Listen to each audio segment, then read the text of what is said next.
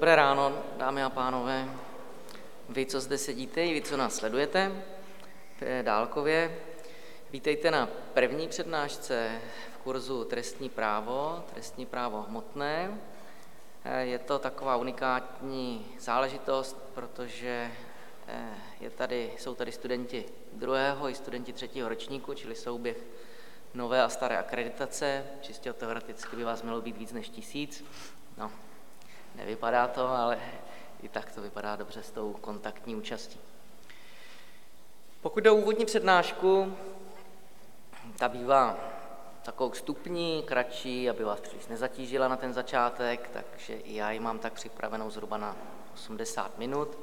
V případě, že budete mít v průběhu té, té přednášky nějaký dotaz, neváhejte se, ti, co jsou zde přítomní, přihlásit. Já jsem si tady nechal dát mikrofon přenosný, takže budete moct položit otázku tak, aby ji slyšeli i všichni vaši kolegové, co eventuálně snídají u počítače nebo eh, se věnují jiným záležitostem a mimochodem sledují tuto přednášku. Tak, rozdělím ji do dvou částí. Ta první bude taková administrativní nebo organizační, kde bych vám rád sdělil, co byste si měli opatřit pro semináře, co byste, z čeho by bylo dobré, abyste studovali. A pak přejdu k tomu tématu samotnému, což bude dneska pojem trestního práva, čili říci, co to trestní právo je, říci jeho funkce a zmínit některé základní zásady. Pokud eh, se vejdu do toho časového limitu, tak možná ještě přidám něco k pramenům trestního práva tomu prvnímu, čili těm, řekněme, organizačním záležitostem.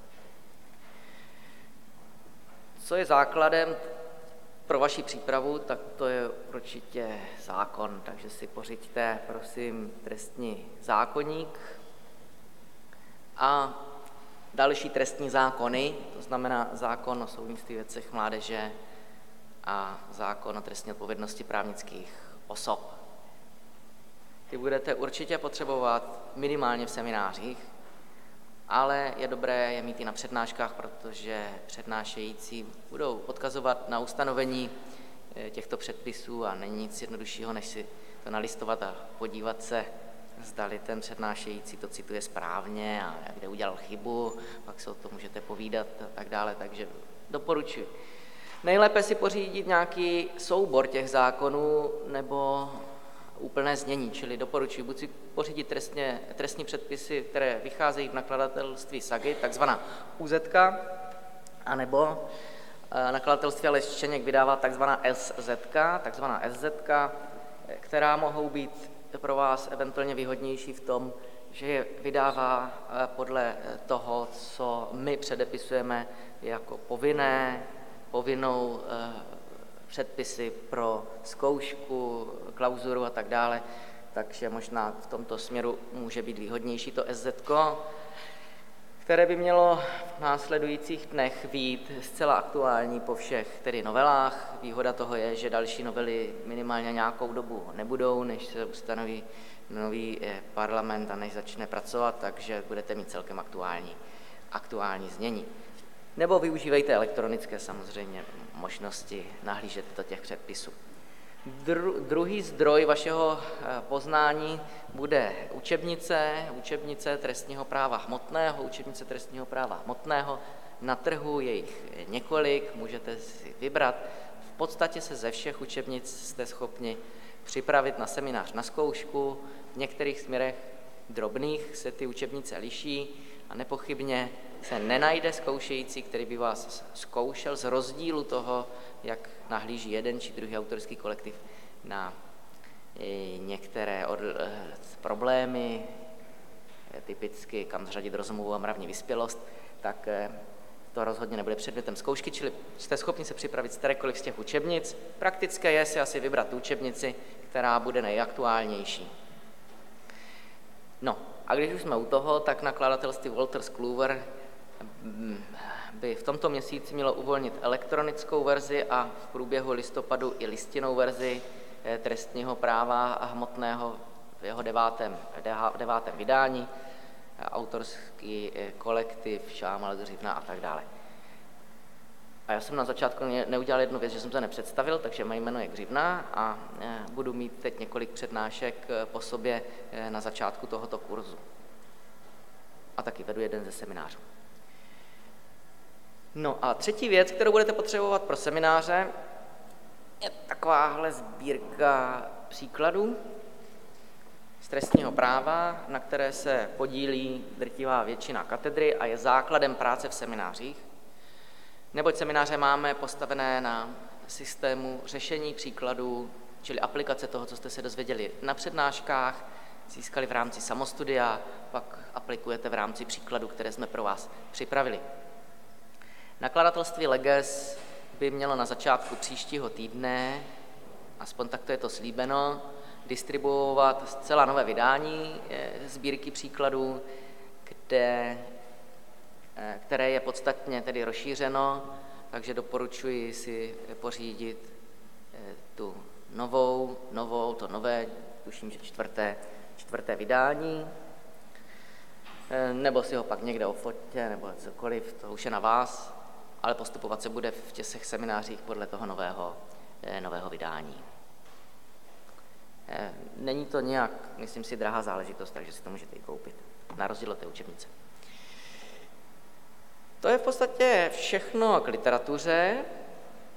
No a teď, co po vás budeme chtít pro úspěšné zakončení předmětu trestní právo 1, a tady to budu muset rozdělit mezi starou, takzvanou starou, a tu novou akreditaci. Po dalším přemýšlení je to nastaveno tak, že můžete v rámci výuky získat, a já to budu říkat na body, 100 bodů, přičemž 40 bodů můžete získat v rámci seminářů a 60 bodů můžete získat eh, v následném celokatederním písemném testu. Těch 40 bodů v semináři je ještě navíc rozděleno na 20 bodů za účast při 70% účasti 10 bodů, při 60% účasti méně než 60% účasti rovná se 0 bodů a druhých 20 bodů za aktivitu. Samozřejmě chápeme, že se může stát cokoliv, nikomu to nepřejeme, ale třeba bude měsíc neschopen a, tím pádem by třeba neměl šanci získat ty body za účast. Pak je na něm, aby se domluvil s vedoucím té seminární skupiny, který má právo stanovit náhradní plnění za tu eventuální neúčast. Pokud jde o aktivitu, tu bude vyhodnocovat každý z těch, každý z těch, kdo vede eh, seminární, seminární výuku ve své, ve své seminární skupině. Čili takto můžete získat 20 bodů za účast, 20 bodů za aktivitu, maximálně 40 bodů v rámci semináře. Testy ty, budou, ty jsou dělané tak, že je 30 otázek, z nich eh, můžete získat tedy za každé dva body, takže maximálně 60, 60 bodů.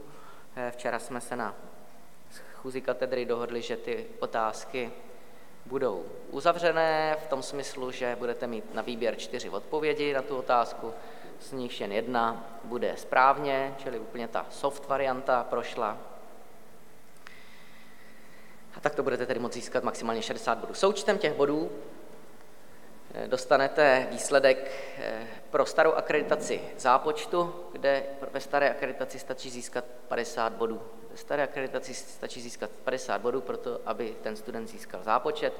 V nové akreditaci, která je tedy založena na klasifikovaných zápočtech, eh, podle počtu získaných bodů se odvíjí, odvíjí známka a ta známka dobrá, ta začíná taky od těch 50 bodů. Myslím, 50 až 69 je dobrá, 69 až 85 je velmi dobrá a nad 85 bodů je známka výborně. Takže pro ty z vás, kteří vůbec nemají čas chodit na semináře, tak ti mají stále šanci, když napíšou test z 90% dobře, že mohou eh, získat zápočet nebo získat známku dobrou. Bez seminářů nezískáte velmi dobrou nebo výbornou.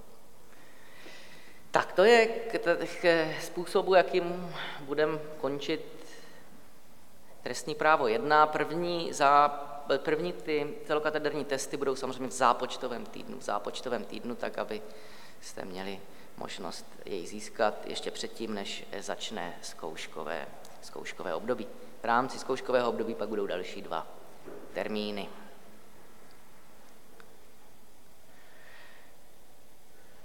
K organizačně technickým záležitostem je nějaký dotaz? Nevidím, že by se nikdo všem vše jasné. Tak to se uvidí. Přejdeme tedy k dnešnímu tématu přednášky, pojem trestního práva, funkce trestního práva, základní zásady. I takhle dílčím způsobem budu postupovat, eventuálně přidám ty díl, dílčí téma prameny trestního práva a její výklad. Je to v celku jednoduché v tom, že není pochyb o tom, že pokud roz, uznáváte dělení mezi právo soukromé a veřejné, tak eh, to trestní právo patří eh, do oblasti práva veřejného. To není sporné. Tak, co je účelem trestního práva? No, tak je to chránit zájmy společnosti, eh, oprávněné zájmy právnických a fyzických osob. Ty můžeme nazvat souhrně jako jakési právní statky, čili ochrana právních statků je účelem nebo cílem trestního práva hmotného i procesního. Tak a teď, proč, teď už jsem naznačil, že to trestní právo se nám dělí do dvou takových částí. Jedno je trestní právo hmotné a druhé trestní právo procesní. Trestní právo hmotné neboli taky materiální. Trestní právo procesní se někdy označuje jako formální. No a trestní právo hmotné nám říká, co je trestným činem, čili které ze společensky škodlivých jevů eh, je trestným činem a stanoví eh, trestně právní sankce za jejich, za jejich spáchání. Oproti tomu pak to trestní právo procesní stanoví postup orgánů činných v trestním řízení při zjišťování trestných činů, odhalování jejich pachatelů, ukládání, ukládání, uh, ukládání sankcí. Tak, uh, co bych eh, k tomu zmínil? Je jasné, že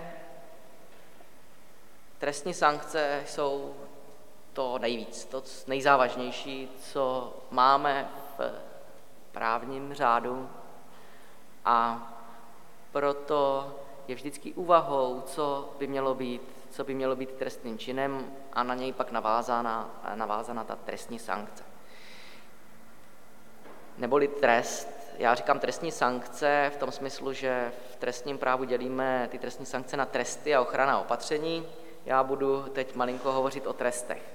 Jen v trestním právu lze ukládat tresty, žádné jiné odvětví českého právního řádu neumožňuje ukládat tresty. Tresty bez, bez přívlastku, eh, protože poté, co byl přijat zákon, nedávno zákon o odpovědnosti za přestupky a řízení o přestupcích, tak ten zavedl termín správní trest, správní trest. Ale když, když se řekne trest, tak celku důsledně v právním řádu je spojen pouze s oblastí trestního práva.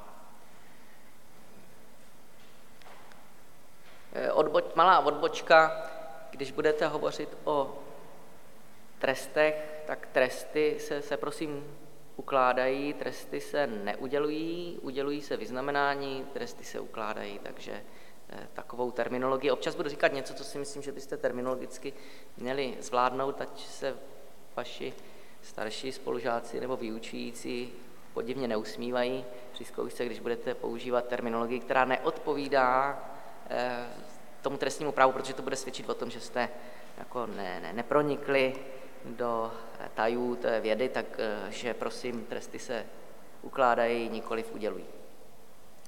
No a teď ta první úvaha. Co má být trestným činem? Tak kdo určuje, co bude trestným činem? To je jednoduché i pro druháky. Prosím, zákonodárce, výborně. Čili je na zákonodárci, aby řekl, co má být trestným činem. Čili mohl by zákonodárce říct, že plivání na ulici bude trestným činem? Brání mu v tom něco? Ne. Čili je na zákonodárce, aby určil, co bude trestným činem. Druhá věc je, jak se s tím stotožní je, společnost a jestli by to vůbec ten parlament takovou blbost udělal, ale vyloučeno to není. Čili je na zákonodárci, aby určil, co je trestným činem. Lec, kdy má ten zákonodárce volbu a je to právně politické hledisko, jestli něco označí za trestný čin, anebo třeba za přestupek. A v čase se to může měnit. V čase se to může měnit, takže když zvolím příklad řízení bez řidičského oprávnění, tak to byl typicky správní delikt, přestupek, jednu dobu jsme to měli jako trestný čin, teď to zase máme, teď to zase máme jako přestupek. Čili ten zákonodárce. Čím by ten zákonodárce se měl jako řídit, když to bude odpovědný zákonodárce, čím by se měl řídit při té volbě, jestli bude nějaké škodlivé jednání trestným činem, správním deliktem, občanskoprávním deliktem, co by měl mít teda jako na paměti nebo na mysli? Co myslíte? Tak. Kolega říká nějakou obecnou nebezpečnost.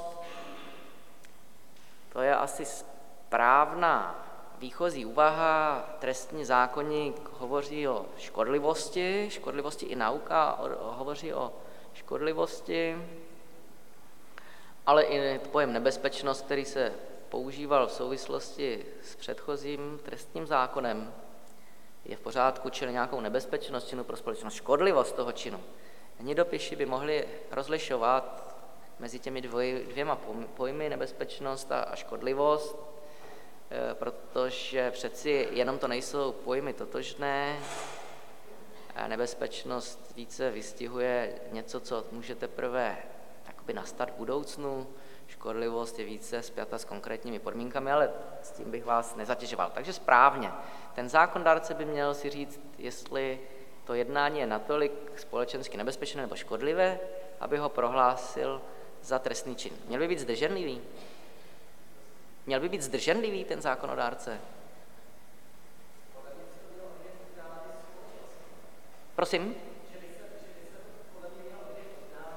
Od nálady společnosti. To je poměrně nebezpečná úvaha, eh, protože může existovat jeden šokující případ, který náladou společnosti pohne, a konec konců se tak v minulosti i dělo, a zákonodárce, respektive spíš ti, jednotlivé členo, ti jednotliví členové toho zákonodárného sboru, se snaží tomu hlasu lidu vlastně vyhovět a vznikají tím určité populistické návrhy.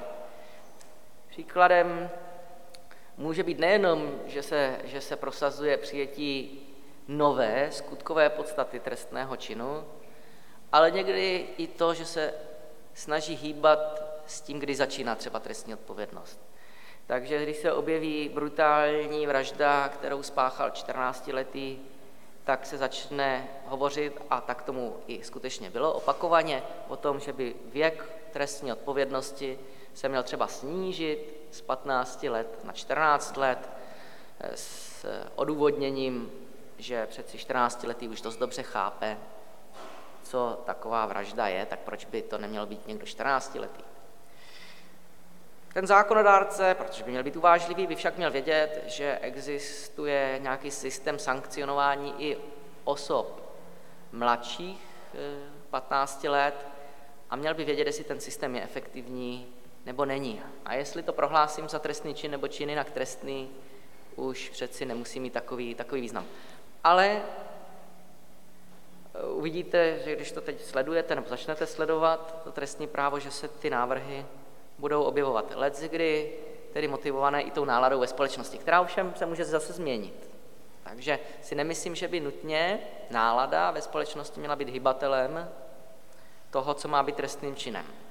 Spíše bych se soustředil na to, jaké jsou důsledky toho negativního společensky škodlivého jevu a nakolik takový jev je rozšířen, nakolik mi ohrožuje ty základní hodnoty, které chci chránit, život, zdraví, majetek, čest, lidská důstojnost a tak dále.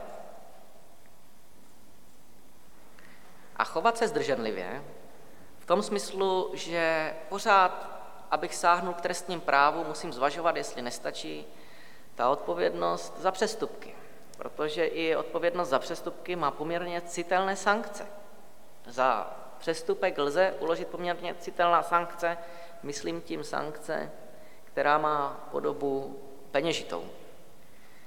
A teprve, když dospěju k závěru, že nikoli, že opravdu to vyžaduje trestně právní reakci, tak pak teprve budu eh, zvažovat nebo přistoupím k eh, tomu jednání prohlásit za trestný, za trestný čin. Samozřejmě, že to trestní právo má tu výhodu, že jedině za spáchání eh, trestného činu lze uložit trest odnětí svobody. Nikde jinde takovou sankci, v jiném oboru práva takovou sankci nenaleznete.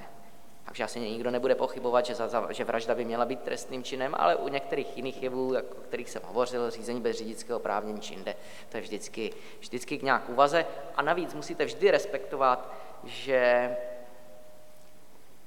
je jen omezená kapacita těch orgánů, které jsou, které jsou určeny k odhalování a stíhání těch trestných činů.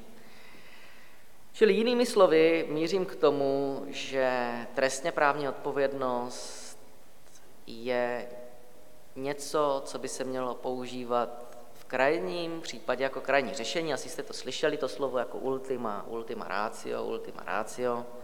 A projevuje se zde subsidiární charakter trestního práva. Subsidiární tedy v tom smyslu, nestačili vyvození odpovědnosti podle jiného právního předpisu, pak teprve by to mělo být trestní právo. Ta zásada subsidiarity trestní represe se tedy začíná projevovat, nebo měla projevovat i v té legislativní zákonodárné činnosti, kdy tyhle ty úvahy by si ten zákonodárce měl pokládat předtím, než eh, bude chtít něco prohlásit za trestný čin. To trestní právo, kromě té subsidiární povahy, je ještě zajímavé dalším aspektem a to, že má sekundární, sekundární povahu, druhotnou povahu. Zkusím vysvětlit, v čem to vězí. V trestním právu let, kdy chráníme hodnoty, které jsou chráněny i jinými právními odvětvími.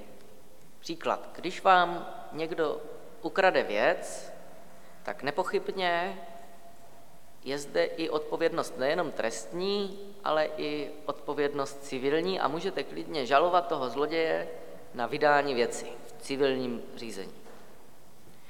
A to trestní právo při rozhodování o tom, jestli kdo byl vlastníkem věci, protože musí vědět, jestli došlo ke krádeži, krádež na vlastní věci není možná, na cizí věci, tak jakoby navazuje na ty ostatní právní odvětví. Velmi často navazuje na ty ostatní právní odvětví, a v tomto směru má ten sekundární nebo druhotný, někdy se uvádí akcesorický, akcesorický závislý charakter.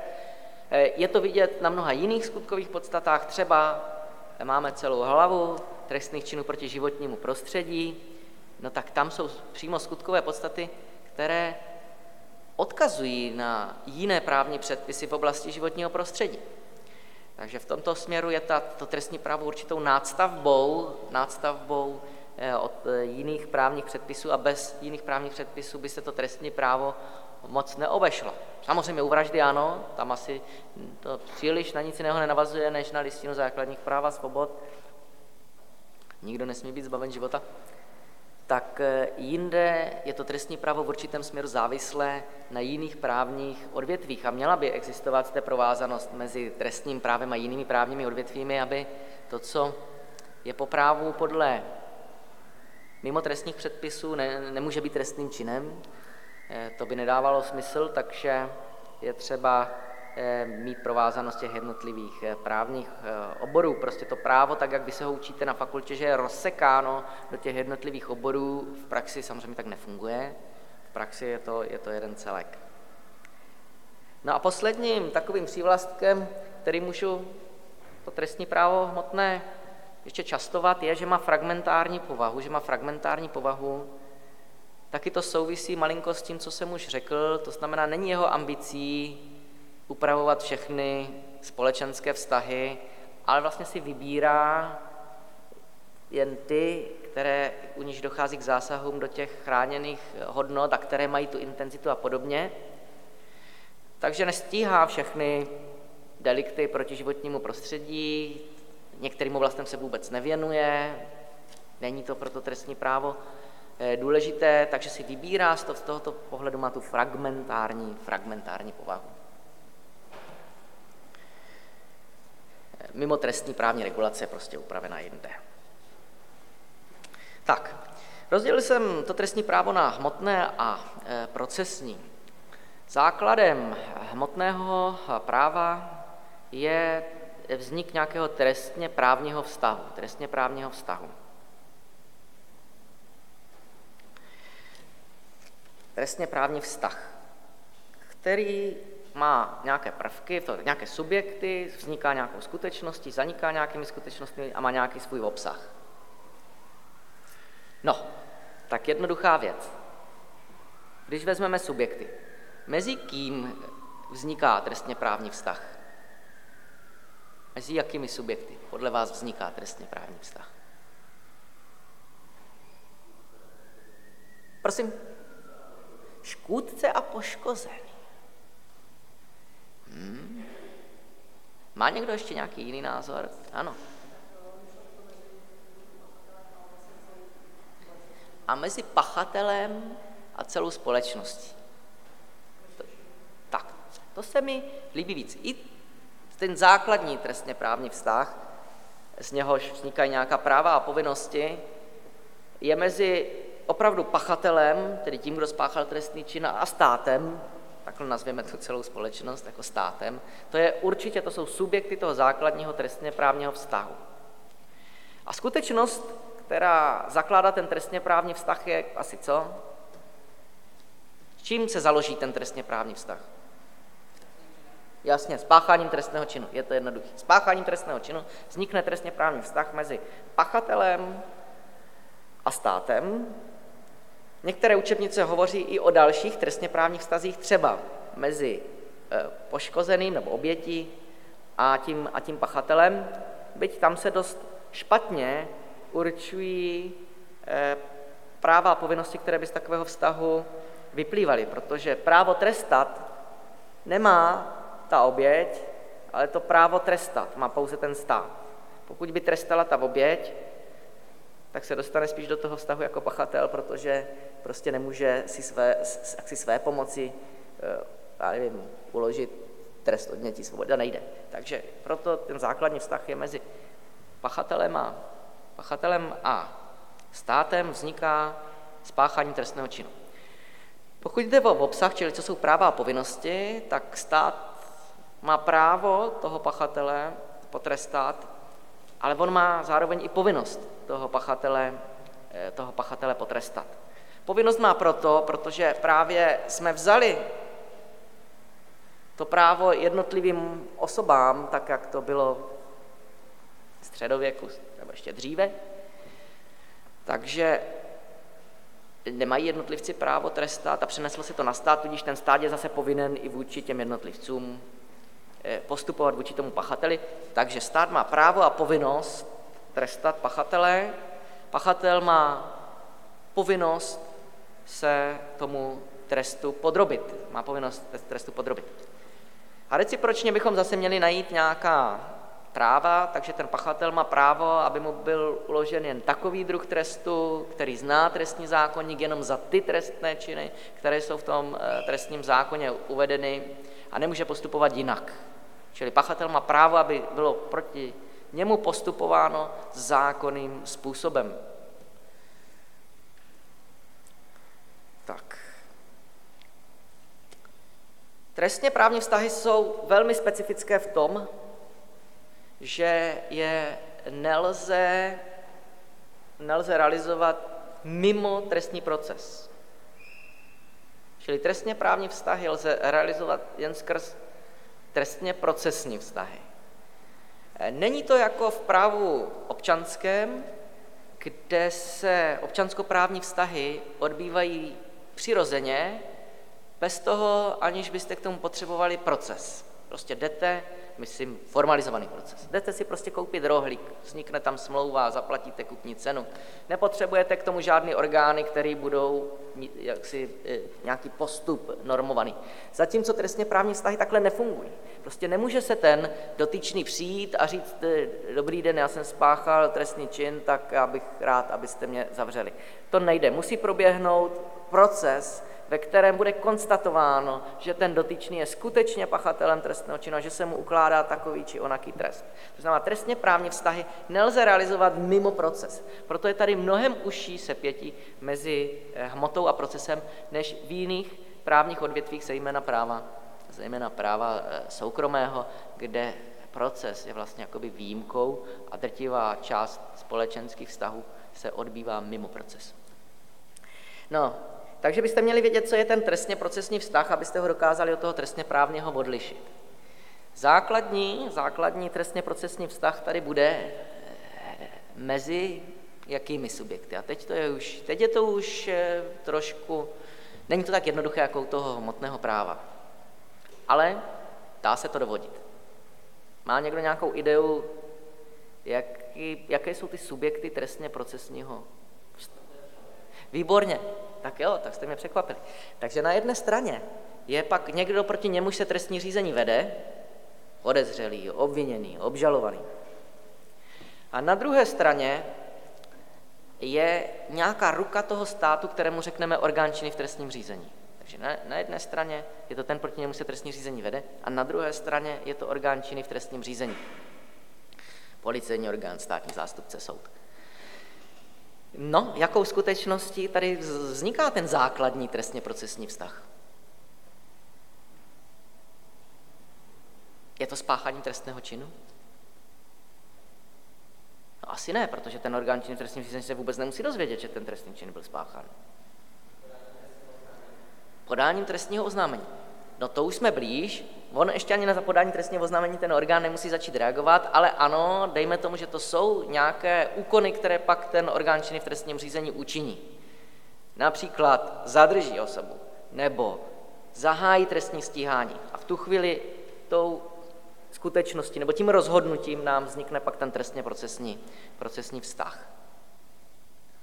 A zase jsou to nějaká práva a povinnosti, O tom už eh, hovořit pak nebudu, to nechám na trestní právo procesně na semináře. Fajn, tak to máme trestně procesní vztah. Taky jsme užili jinou terminologii, neříkáme v procesu, nikdy nemluvíme o pachateli, ale o tom, proti němu se trestní řízení vede. Má to svou logiku, protože za prvé pachatel nemusí být vůbec stíhán, za druhé můžete stíhat někoho, kdo vůbec není pachatel a zjistíte to až po několika letech v tom trestním řízení. Takže pachatel je hmotně právní termín a ten potom do procesu netahejte. A naopak eh, v hmotě zase nemluvíte o, o, o podezřelém a obviněném. To nemá pro ten trestně právní vztah zase úplně eh, nějakou, nějakou relevanci.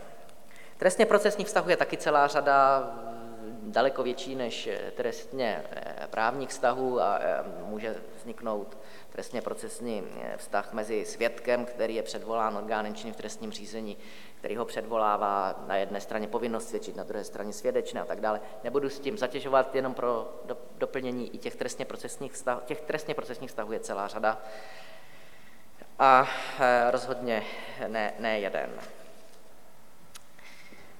Zánik těch vztahů je, budeme o něm hovořit u hmotného práva, zánik eh, těchto hmotně právního, trestně právního vztahu v podstatě je totožný se zánikem trestní odpovědnosti, čili k zániku může dojít způsoby, které zná trestní zákonník i způsoby, které jsou přirozené, jako je smrt pachatele a podobně.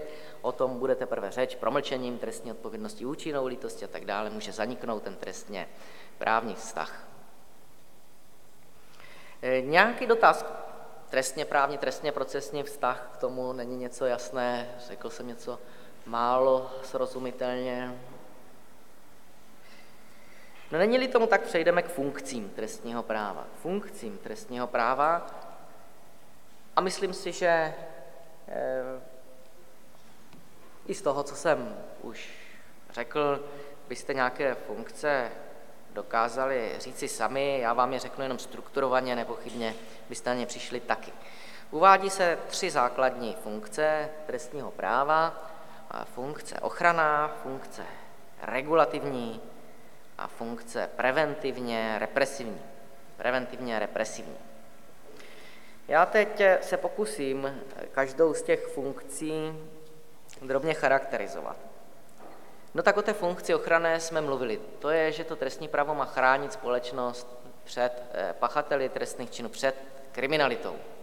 Činí to právě tím, že říká, co je trestným činem a že pak následně ty pachatele i trestá. To je ta ochranná funkce trestního práva.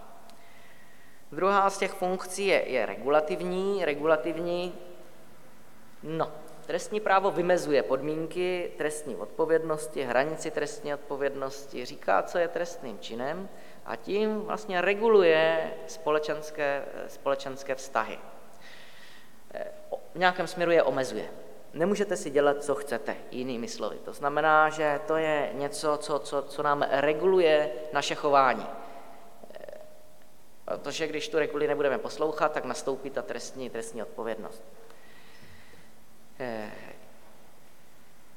právě v trestním právu více než kde, jindy, než kde jinde platí zásada neznalost zákona eh, neomlouvá, čili i tady je poměrně důležité, aby to trestní právo odpovídalo jakému si obecnému vnímání toho, co má nebo nemá být trestným činem, jinak pak vám trošku začne ta regulativní funkce selhávat, pokud by trestným činem bylo kde co, tak by ti adresáti nedokázali ani pořádně určit, eh, jak se mají chovat.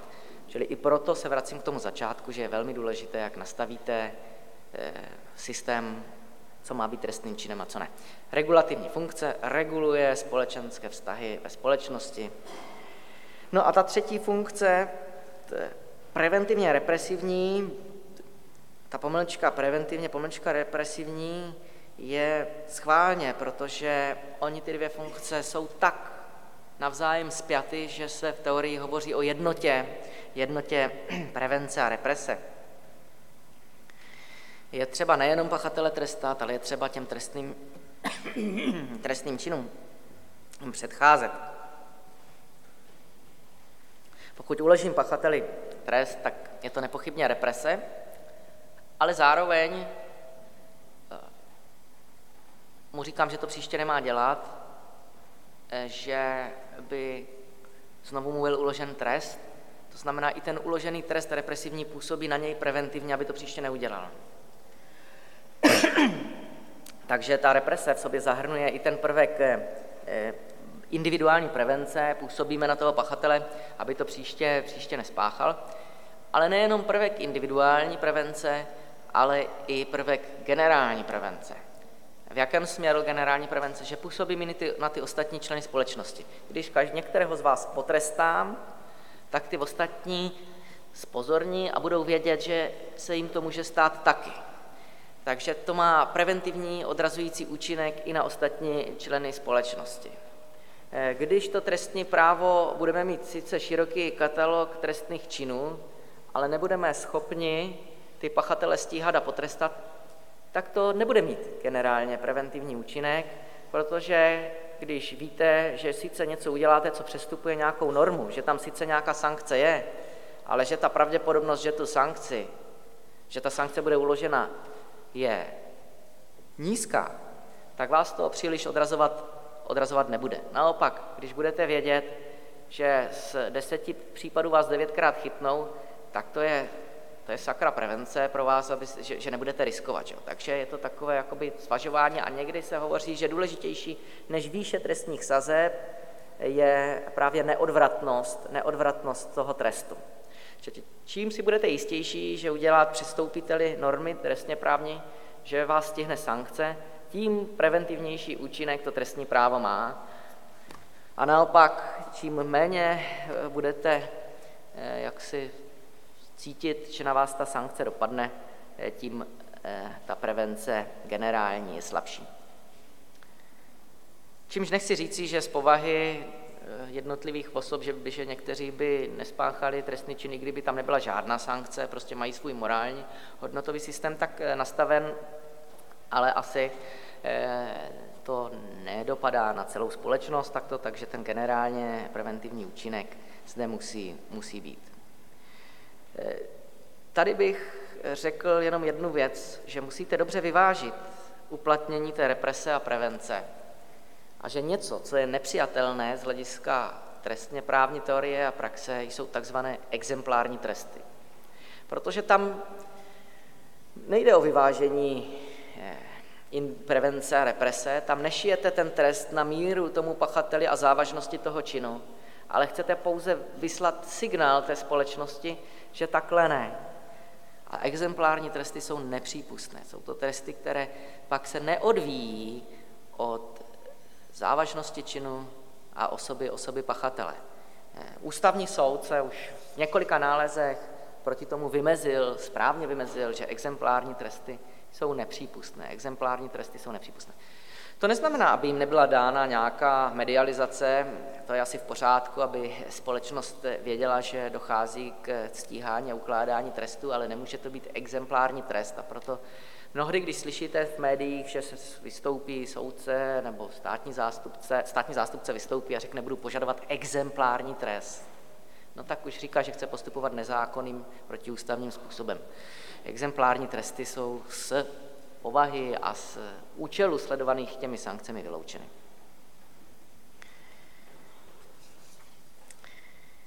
To je k těm funkcím trestního práva. Dotazy jsou nějaké k těm úvahám obecným, které jsem zde řekl, nejsou. Třetí, třetí subtéma jsou zásady. Zásady, no tak zásady to jsou nějaké vždycky vůči právní ideje, na kterých je eh, to odvětví postaveno trestním řádu je třeba máme výjmenovány v paragrafu druhém, ale v trestním zákonníku uvedeny nejsou, tudíž je musíte dovodit z jednotlivých ustanovení toho trestního zákonníku, abstrakcí dovodit, jaká ta zásada se tam prosazuje. O jedné té zásadě jsem hovořil, je to zásada subsidiarity trestní represe, která se projevuje nejenom v rámci normotvorby, ale i v rámci interpretace a aplikace interpretace a aplikace trestně právních norem.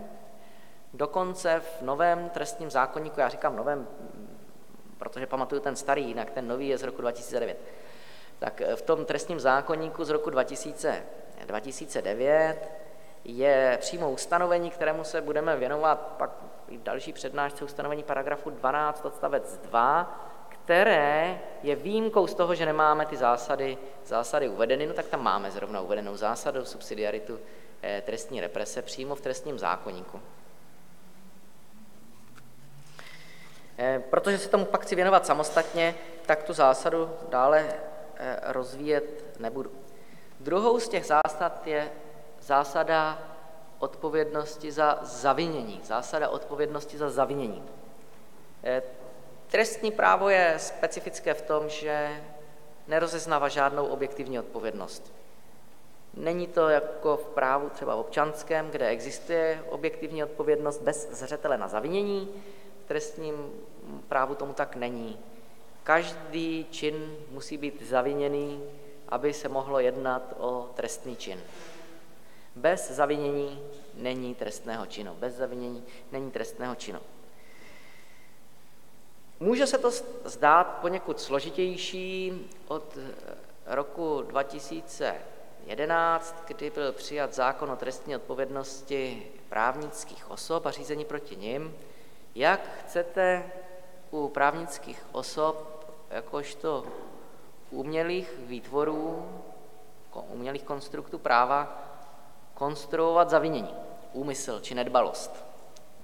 Jak, když je to umělý konstrukt? No tak tím, že odvozujete to zavinění od fyzických osob, které za tu právnickou osobu jednali. Takže tam si pomůžete tím, že to zavinění odvodíte od zavinění fyzické osoby, jejíž jednání se přičítá, jejíž jednání se přičítá té právnické osobě.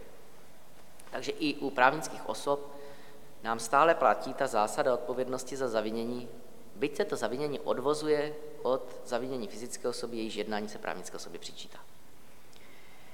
Třetí z těch zásad je zásada individuální trestní odpovědnosti, individuální trestní odpovědnosti. Do roku 2011 nesporná zásada individuální trestní odpovědnosti. Neznáme kolektivní trestní odpovědnost, i když víme, že k trestnému činu došlo k určitému kolektivu, určité vesnici nebo někde. Vždy musíme najít tu konkrétní fyzickou osobu, nemůžeme prostě potrestat ten kolektiv. Nemáme kolektivní odpovědnost, na rozdíl od historie. Neexistuje kolektivní odpovědnost, nevypálíme vesnici proto, protože nevíme, kdo z té vesnice to spáchal. Takže nemáme individuální trestní odpovědnost. A říkal jsem, že je to do určité míry nesporné do toho roku 2011, kdy byl přijat ten zákon o trestní odpovědnosti právnických osob.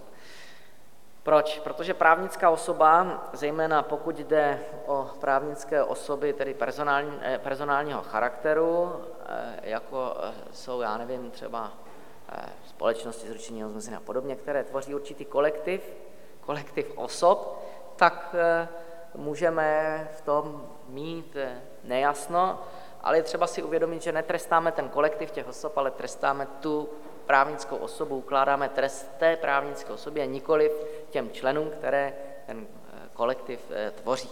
Tak to je jeden moment. A druhý, který ovšem trošku závažnější argument je ten, že u právnických osob rozeznáváme možnost přechodu trestní odpovědnosti na právního nástupce. Přechod trestní odpovědnosti na právního nástupce, čili v zásadě budeme trestat někoho, kdo ten trestný čin nespáchal. U fyzických osob to nepřichází v úvahu, nelze, aby trestní odpovědnost přešla na právní nástupce, na syna nebo na otce. Nejde? Tak u právnických osob máme ustanovení paragrafu 10 zákona o trestní odpovědnosti právnických osob, které upravuje přechod trestní odpovědnosti na právního nástupce. Takže například dojde-li k fúzi právnických osob nebo dejme tomu i k prodeji, k prodeji závodu, tak přejde ta práv, trestní odpovědnost i na toho právního nástupce, který s tím původním trestným činem nemá nic společného a dokonce ani neví, že k takovému trestnému činu, trestnému činu došlo. To jsou někdy výhrady proti té individuální eh, trestní, eh, individuální trestní odpovědnosti. Další z těch zásad je zásada humanismu, zásada humanismu, která je z části taky eh, vtělená do textu trestního zákonníku jako zásada eh, v oblasti, v oblasti tedy ukládání trestů, ale ona se uplatní i šířeji, ona se uplatní i šířeji, kdy zahrnuje i ochranu společnosti, jejich humanitních hodnot, čili zásada humanismu je to jednak ochrana těch humanitních hodnot a potenciálních obětí, to je to, eh, řekněme, širší vymezení a to užší vymezení je, že zásadu humanismu vnímáme ve vztahu k resocializaci pachatele, že mu neukládáme kruté, nelidské, ponižující tresty, že je zakázán trest smrti a podobně. No a naposled jsem si nechal zásadu, kterou znáte pod latinským vyjádřením nullum crimen sine lege, neboli není trestného činu bez zákona, není trestného činu bez zákona. To znamená, že pouze zákon může stanovit, co je trestným činem, ale ta zásada nullum crimen sine lege v sobě má čtyři takové zákazy, které pak jsou vyjádřeny určitými přívlastky eh, této zásady, eh, takže se rozlišuje nullum crimen sine lege previa, stricta, scripta a certa. Když si, je, když si je rozebereme a začneme třeba eh, tím nullum crimen sine lege stricta, stricta tak v tom je ten první zákaz, zákaz analogie. V trestním právu nelze užít analogie v neprospěch, v neprospěch pachatele. Čili analogie in malam partem, když budeme pokračovat v těch latinských výrazech, je v trestním právu zakázána. Že? Analogie in malam partem je zakázána, in bonam partem eh, je přípustná. Eh, nelze prostě stanovit Nelze prostě někoho trestat na základě, na základě analogie, že jde sice o společensky škodlivý jev, který je stejně nebezpečný jako jev, který trestáme. Nelze říct, to je analogická situace, budeme trestat podle analogie. Nemá analogie v neprospěch pachatele, nemá v trestním právu místo. Druhý nullum crimen sine lege previa, previa, previa, tedy předchozí, něco předchozí zákon, to znamená, není trestného činu bez předchozího zákona, to znamená, nelze zpětně říct, že bylo něco trestným činem, čili v tom se skrývá zákaz, čeho? Retroaktivity, výborně. Takže v tom prvním jsme měli zákaz analogie, tady máme zákaz, zákaz eh, retroaktivity, trestnost činu se ukládá podle zákona účinného v době, kdy byl trestný čin spáchán, podle pozdějšího zákona se postupuje jen tehdy, je to pro pachatele příznivější. Vys nejenom jeden z článek listiny základních, eh, základních práv a svobod, článek 40, odstavec 6 listiny, ale také ustanovení paragrafu 1, paragrafu 2 trestního zákonníku. Tam eh, tu zásadu najdeme, najdeme vyjádřenou. Určitou výjimku bychom samozřejmě historicky našli, to ne, že bychom nenašli, jde o zpětnou působnost takzvaného retribučního zákonodárství, ale to znáte už z oboru právních, právních dějin. Třetím je, a možná jsem měl říct jako prvním, je, je nullum crimen sine lege scripta, v čem se skrývá zákaz práva obyčejového, prostě musí to být právo psané, musí to mít formu, formu zákona.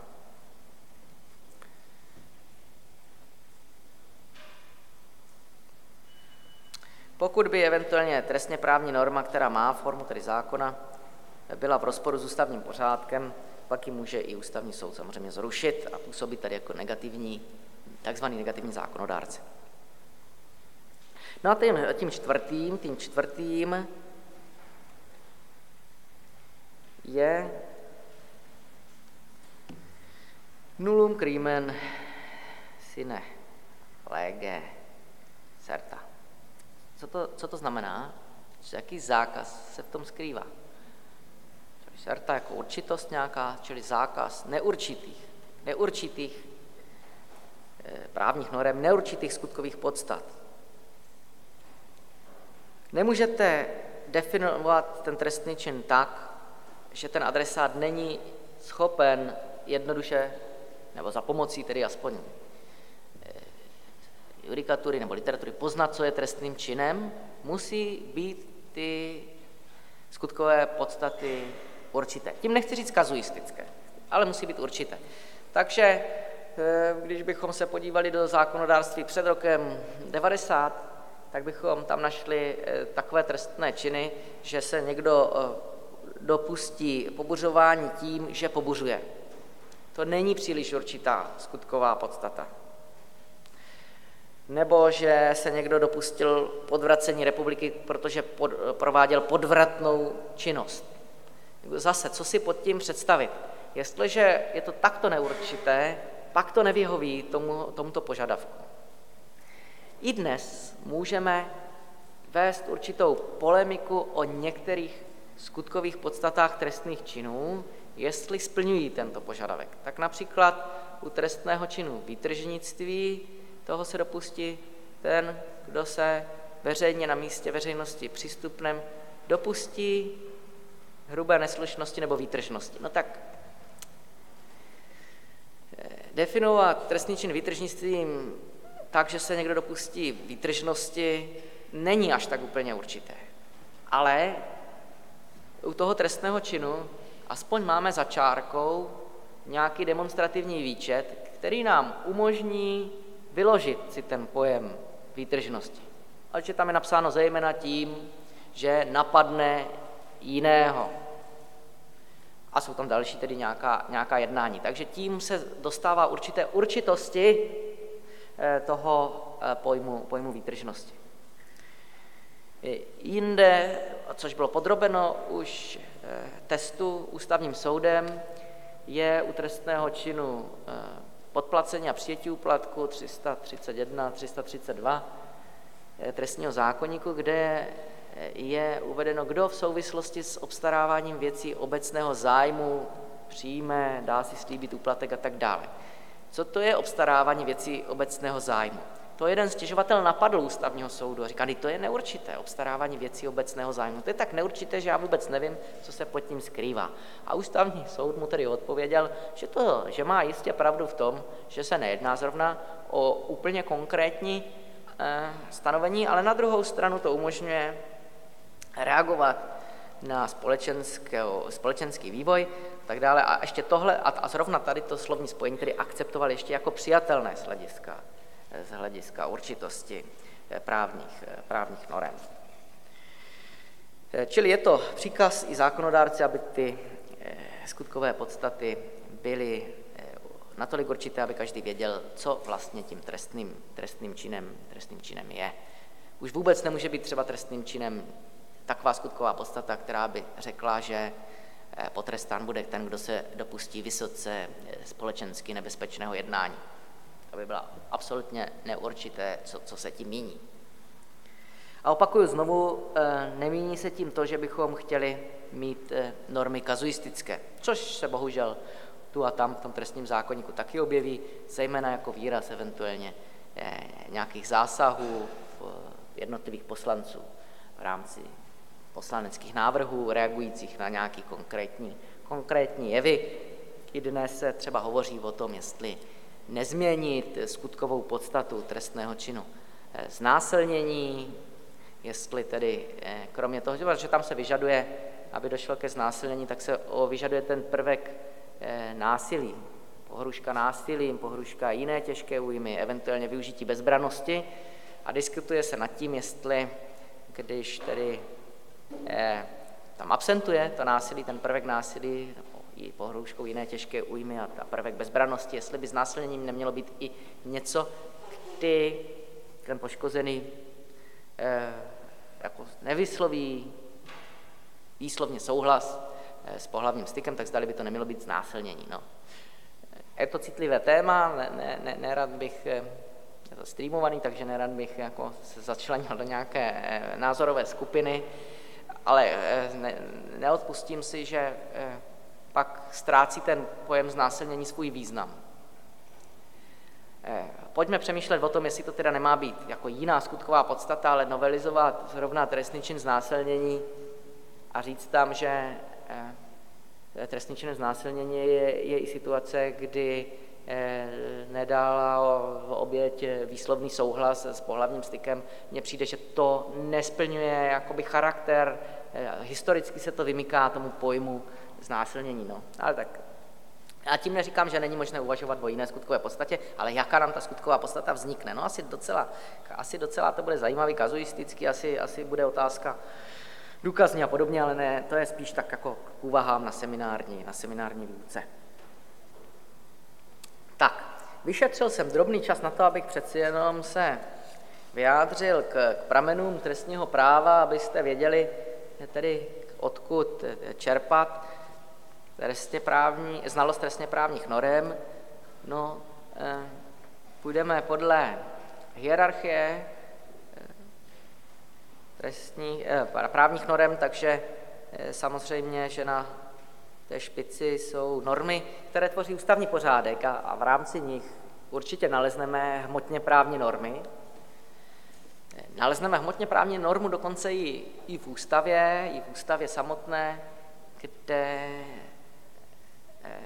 se hovoří o indemnitě. No tak indemnita ta znamená, že nevzniká trestní odpovědnost, je to výluka z té trestní odpovědnosti, no tak to je taky eh, hmotně právní trestně právně trestní hmotně právní norma.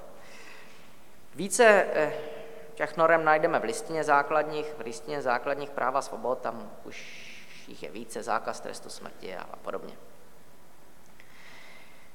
Nelze opomenout ani mezinárodní eh, smlouvy podle článku 10, ty takzvané, takzvané lidskoprávní eh, mezinárodní smlouvy, které tu a tam nějaké to hmotně právní ustanovení mají. Zejména tady upozorňuji na úmluvu o ochraně lidských práv a základních svobod, kterou označujeme přívlastkem Evropská úmluva. Evropská proto, že tedy vznikla na půdorysu eh, eh, Rady Evropy, to je úmluva Rady Evropy roku 1950, která je charakteristická a specifická systémem ochrany, který poskytuje těm základním právům a svobodám, eh, protože každý po vyčerpání vnitrostátních prostředků, každý může podat stížnost k Evropskému soudu pro lidská práva a za několik let se dozví, jestli tedy ta stížnost eh, byla oprávněna nebo ne. Čili té úmluvě věnujte pozornost.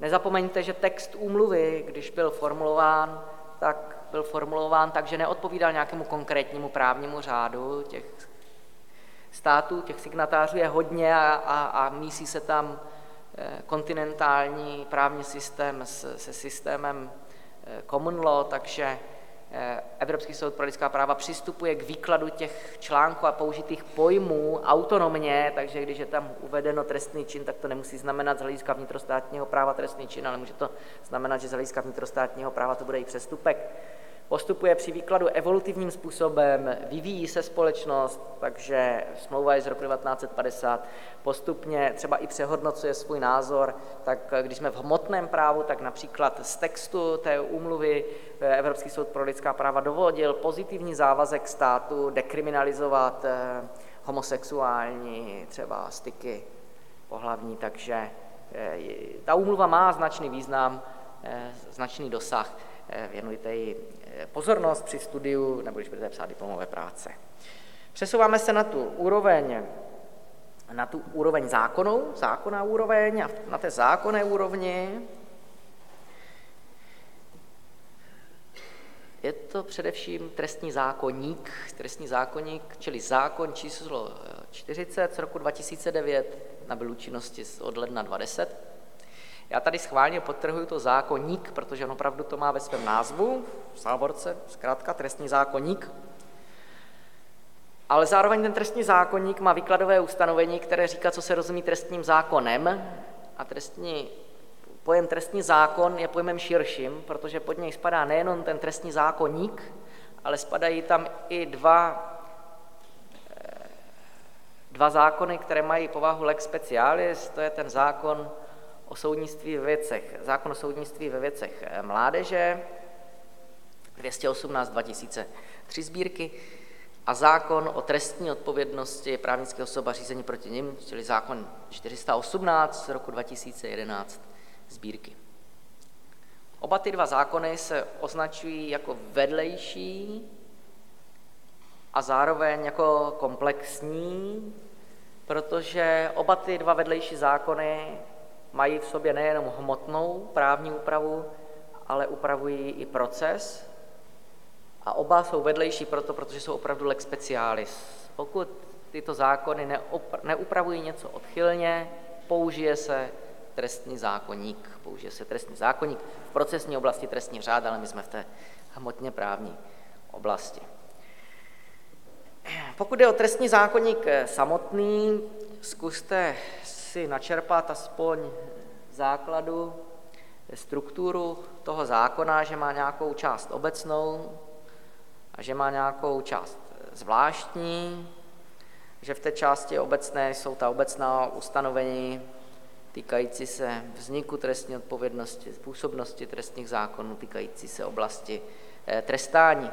Čili ta obecná část je rozdělena do určitých hlav, stejně jako ta část zvláštní. U té části obecné bych ještě upnul vaši pozornost k hlavě 8, což jsou výkladová ustanovení. Budete ji dost často používat i ve spojitosti se zvláštní části. Tam jsou definovány některé pojmy, které se v tom trestním zákonníku, které se v tom trestním zákonníku objevují. Ta zvláštní část, to je vlastně katalog trestných činů, katalog trestných činů rozdělený rozdělený do, do dalších hlav. Eh, každá ta hlava vyjadřuje eh, nějaký skupinový, skupinový objekt, chráněný zájem. Má to být hierarchicky uspořádáno, čemu ta společnost přikládá větší význam, takže začínáme trest, trestných činů proti životu a zdraví, postupujeme dál, potom je někde až majetek na nějakém pátém místě, takže Eh, takže to má vyjadřovat hierarchii hodnot, jak si v současné době představujeme. Lze si představit i tu hierarchii opačnou, tak jak měl předchozí trestní zákon, že, zač- že, že chráníme stát a teprve pak a skrz něho ty občany. Teď je tomu naopak, chráníme individuální zájmy občanů a pak teprve stát. Je to pouze o výraz nějakého eh, hodnotového filozofického pojetí současné, v současné době. Tak, takže to je struktura, aspoň základní toho trestního zákonníku. Pokud eh, bych měl zmínit nějaké další prameny eh, trestního práva hmotného, tak nepochybně to jsou amnestijní rozhodnutí prezidenta, eh, prezidenta republiky, které mohou mít i ten charakter aboliční, aboliční charakter, byť je tam samozřejmě kontrasignace předsedy vlády nebo jim pověřeného člena vlády, tak ta amnestijní rozhodnutí jsou pramenem, pramenem práva. Eh, pramenem trestního práva hmotného budou nepochybně i nálezy ústavního soudu, derogační nálezy ústavního soudu, který ruší eh, zákon nebo jeho část. My jsme se poměrně nedávno dočkali jednoho derogačního nálezu ústavního soudu, který ovšem nezrušil eh, trestní zákonník nebo jeho část, ale zrušil nařízení, část nařízení vlády, zrušil část nařízení vlády, která vymezovala množství větší než, než malé. Udělal to opakovaně, nejprve ve vztahu tedy k omamným psychotropním látkám. A v čem spočíval ten problém? Tady se vracíme k tomu, co jsem říkal, a lze to na tom pěkně demonstrovat. Eh, vy asi víte, a když nevíte, tak se to rozvíte, že držení množství, které není větší než malé, není, myslím, omamných eh, a psychotropních látek, není trestným činem, až držení množství většího než malého. A ten zákonodárce to takhle uvedl i do té skutkové podstaty eh, trestného činu, který se tady snažím nalistovat rychle, a celý problém byl to, že co je množství větší než malé, svěřil, stanovení tohoto množství svěřil vládě. Svěřil vládě. No tak co se asi tomu ústavnímu soudu, co se asi tomu ústavnímu soudu nelíbilo? V rozporu s jakou z těch základních zásad? Prosím? Ne, ne, to, že by to nebylo dost určité, proto to, kvůli tohoto ten ústavní soud nerušil. Tomu až tak nevadí. Ano. No jistě, protože je na zákonodárci, aby stanovil, co má být trestným činem a co ne. A on na to určitým způsobem rezignoval, když řekl tu spodní hranici, co má být trestným činem, co je to množství větší než malé, nechávám na vládě. Ale vláda není zákonodárný sbor a tudíž to je v rozporu s zásadou nullum crimen sine lege. Prostě jen zákon stanoví, co je trestným činem.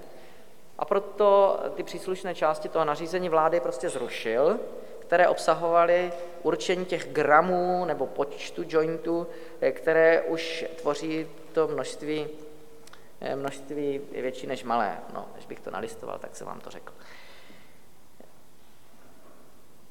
Takže tady jsme narazili na to, že vláda nemůže určovat spodní práh trestnosti.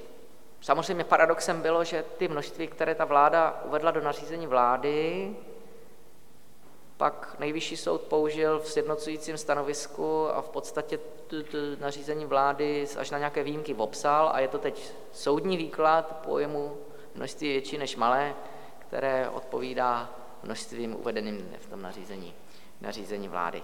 Trošku to zjednodušuju, ale zhruba tak to je. Eh, tak, to by asi k těm pramenům o podzákonných normách nemá smysl hovořit, u trestního práva hmotného, to by bylo asi k těm pramenům vše. Máte nějaký dotaz? Tak slíbil jsem, že ta první přednáška bude kratší, taky, taky eh, pro dnešek eh, ukončíme. V seminářích se pak budete věnovat tomu výkladu taky a té analogii na, na, na příkladech a eh, příští týden budeme pokračovat dál, už to bude vždycky, co přednáška dál, o to, to bude konkrétnější v souvislosti s trestním zákonníkem. Děkuji vám dnes za pozornost všechny.